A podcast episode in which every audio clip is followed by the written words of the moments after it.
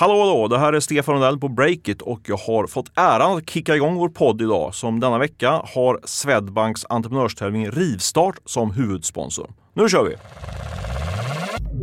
Det här är Break It Daily. Jag heter Katarina Andersson och jag har varit på besök hos Swish idag. Och där får jag beskedet om att snart så kommer det räcka med att gå in i en butik, öppna appen och sen knalla ut med alla varor. Inga köer, inga kassor, allt reggas i appen och betalas direkt. Tror vi på det?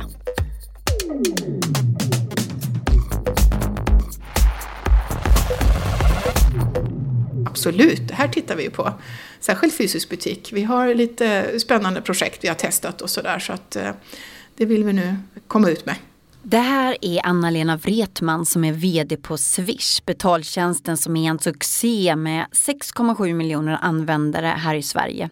Vi swishar totalt 150 miljarder kronor om året. Och nu säger Wretman att Swish vill bli en plocka vara och gå ut ur butik utan att passera kassan-tjänst. Ännu bättre vore ju om jag provar kläder eller vad jag än gör och bara säger åh den här satt bra och så går jag ut och inte betalar någonting och jag rycker väl den här lappen eller vad det kan vara eller om jag skannar en QR-kod så är larmet avlarmat, inte vet jag.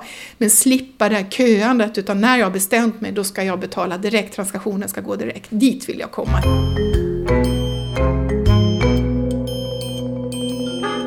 Ola Aronsson, du som är grundare på Breakit.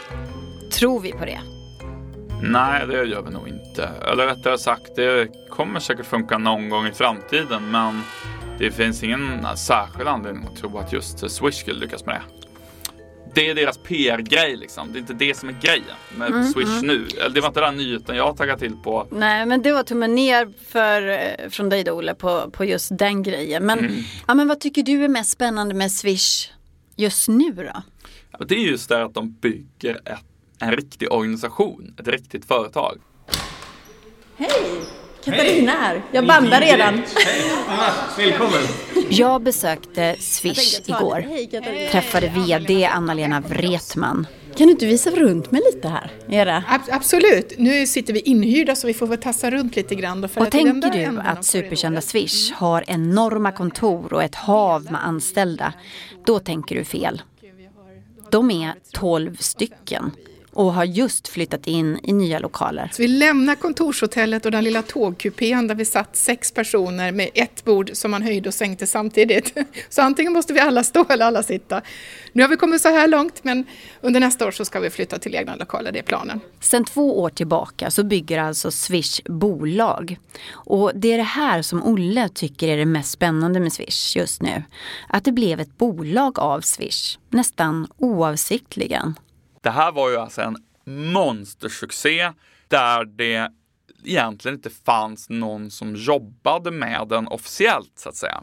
Swish används av alla svenskar, men det fanns inte ens ett bolag och en VD, utan det var bara liksom ett litet samarbetsorgan mellan, eh, mellan bankerna. Våra konferensrum har namn från tv-serier och filmer. Så här har vi Mad Max eh, och där inne är det lite guldödlor på väggen och sådär. Vi har Downtown Abbey, vi har Kill Bill, det är väldigt mycket gult i det rummet och sen längst bort har vi Lost. Nu så börjar de anställa folk. Eh, det är ju dels folk som jobbar eh, med teknisk utveckling och affärsutveckling och så, men också har de ju anställt sin första marknadschef och man märker att de, de vill bygga en riktig organisation och expandera den och eh, att Swish så att säga har en egen kraft och inte bara är avhängigt av bankerna. Och det är ju lite spännande och kittlande måste jag säga. Nu, nu vill de vara ännu en sån betald startup på stan. Liksom. Jaha, men kommer det spela någon roll för Swish att de är en startup på stan?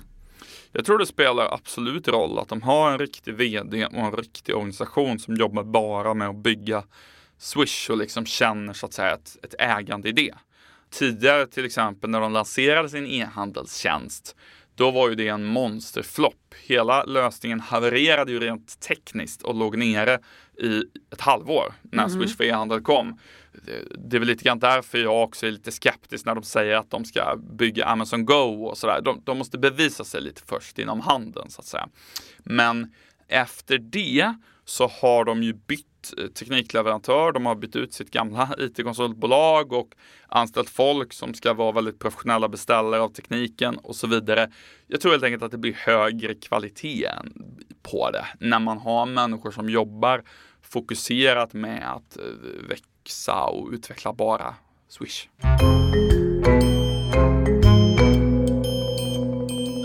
Och här så tar vi en liten break och släpper in dagens sponsor, Kreditupplysning. Varsågod Stefan Lundell.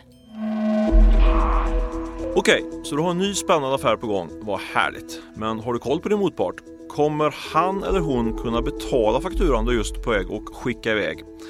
Det är den här frågeställningen som kreditupplysning.se eh, ger dig svar på. Med ett företagsabonnemang hos kreditupplysning.se kan du se inkomst för privatpersoner helt anonymt. Du kan dela abonnemanget med kollegor på företaget utan att de här kan se vem du just har sökt på. Och råkar du stava fel eller bara skriva in delar av gatunamnet när du söker. Inga problem alls. Denna marknadsledande sökmotor hittar rätt ändå. Så ge dig själv ett försprång med en riktigt bra kreditupplysningstjänst. Lycka till med dina affärer och läs mer om det här på kreditupplysning.se.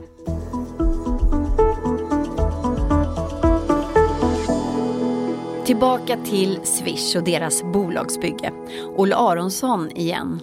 Framförallt det som är grejen tycker jag är ju deras planer på att betalningarna ska funka i andra länder. Det har ju varit liksom akilleshälen på lång sikt när eh, typ Klarnas vd har ifrågasatt Swish till exempel. Att ja, ja, det där är bankgiro 2.0 ungefär och det är bara en lokal lösning i Sverige och eh, det där kommer vara någonting som finns globalt. Men nu säger ju de att nej, men vi ska få Swish att funka i, i massa olika länder och på semestern och allt sånt där. Och då har man ju någonting som kan bli mycket mer så att säga din enda betalapp du använder överallt så att säga. Mm. Medan om Swish inte har det men typ Klarna har det, ja, men då kommer ju folk använda Klarna för att folk reser mellan olika länder och vill inte ha olika tjänster och sådär. Men intressant med det, för VD Anna-Lena Wretman hon sa ju så här till mig att andra aktörer, banker och så, kommer ju till dem i Stockholm för att de vill eh, koppla på sig på det här systemet. De behöver inte ens åka ut i Europa. Hon sa mm. så.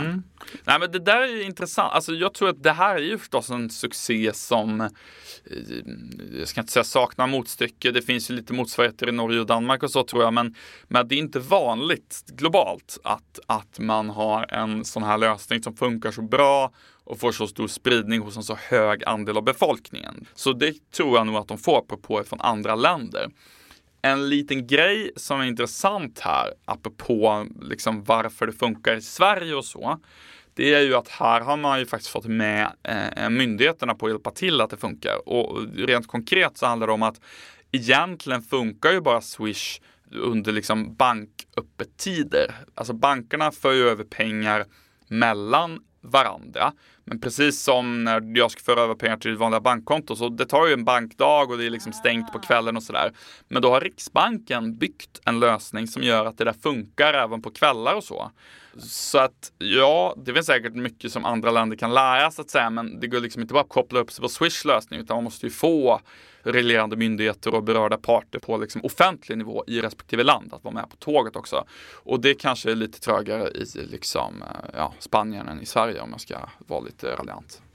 Tack så jättemycket för den analysen. Breakits grundare Ola Aronsson. BreakIt Daily hör du imorgon igen. Var snäll och gå in i en podcast-app och rejta oss. Skriv gärna ett omdöme. Då hamnar vi högre upp i listorna och har chansen att få fler lyssnare. Olle Aronsson är ansvarig utgivare och själv heter jag Katarina Andersson.